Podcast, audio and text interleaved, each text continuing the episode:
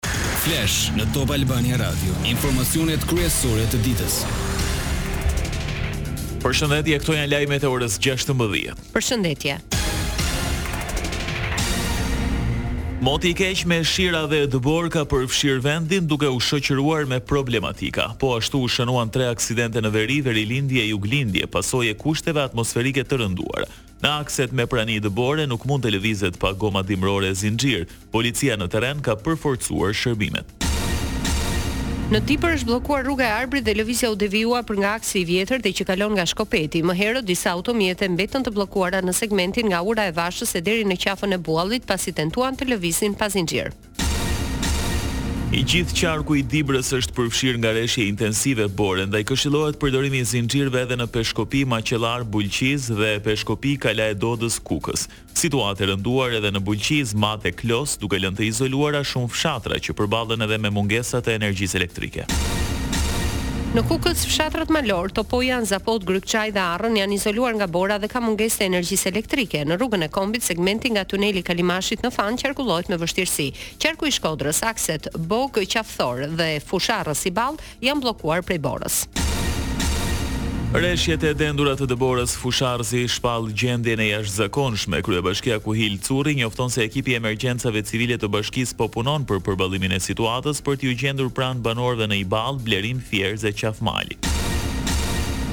Tre persona u lënduan në dy aksidente të lidhura me pasojat e motit të keq. Në aksin Korçë-Bilisht një taksi doli nga rruga e përfundoi në kanal, dy vetë u plagosën. Po ashtu në Fshat të Klosit një person humbi kontrollin e mjetit dhe doli nga rruga. I lënduari u dërgua për ndihmë mjekësore në spital, jashtë rrezikut për jetën. Ndërsa era e fortë dhe bora e shkrirë kanë vështirësuar lëvizjet në superstradën Lezhë-Milot, problematik është edhe qarkullimi në aksin e vjetër Milot-Lezhë. Për shkak të shirave dhe erës së fortë, një kamion u përmbys në anë të urës. Policia Rrugore apelon për të gjithë drejtuesit e mjeteve që veçanërisht në akset me dëborë të moderojnë shpejtësinë, të mos qarkullojnë pa goma dimërore e zinxhirë, pasi bëhen burim aksidenti, ndërkaq duhet të respektojnë sinjalistikën dhe udhëzimet e policisë rrugore.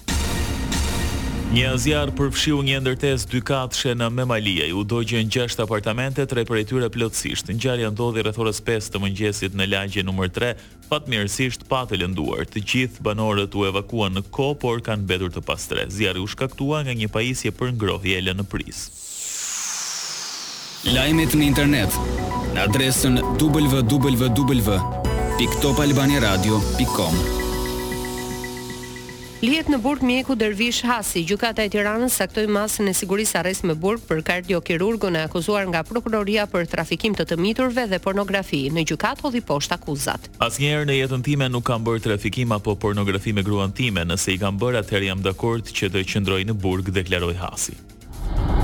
Pak ditë më parë, dyzet e dy vjeçari u arrestua në Tiranë pasi dyshohej se shfrytëzonte një vajzë të mitur për prostitucion. Dervish Hasi, mjek kardiokirurg, u akuzua se prej dy vitesh shfrytëzonte për prostitucion një vajzë të mitur, që tani është gjashtëmbëdhjetë vjeçe dhe e prezantonte si bashkëshorten e tij të katërt. Besimtar mysliman, Hasi kishte edhe tre gra të tjera në shtëpi. Lajme nga bota. Krijimi i një shteti për palestinezët është i mundur edhe me kryeministrin izraelit Netanyahu, sipas presidentit amerikan Joe Biden. Netanyahu nuk është kundër të gjitha zgjidhjeve me dy shtete dhe shtoi se ka lloje të ndryshme. Pas njëzet e shtatë ditësh heshtje dhe ngricash, Biden foli sërish me Netanyahun për të përsëritur se Shtetet e Bashkuara të Amerikës vazhdojnë të fokusohen në krijimin e një shteti palestinez. Pas bisedës dyzet minutëshe mes dy liderëve, Shtëpia e Bardhë njoftoi se Izraeli duhet të zvogëlojë dëmet e pësuara nga civilët në Gaza. Vështirësitë e kryeministrit Netanyahu nuk kufizohen vetëm në Uashington, por edhe në Europë. Kryediplomati Borrell e tha hapur se qeveria e Izraelit e drejtuar prej tij përfaqëson një pengesë për çdo zgjidhje të konfliktit dhe se ndërkombëtarët duhet të imponojnë nga jashtë zgjidhjen me dy shtete.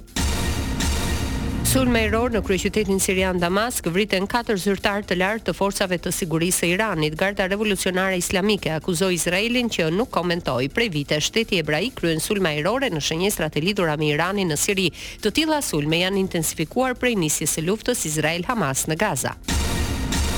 Hakera të lidhur me qeverinë ruse hynë në e-mailet e disa zyrtarëve të lartë të Microsoft, sipas gjigantit amerikan të teknologjisë, sulmi nisi në fund të nëntorit dhe u zbulua tetë ditë më parë. Hakerat shkarkuan dokumente në e-maile, por kompania nuk tregoi se kush u prek.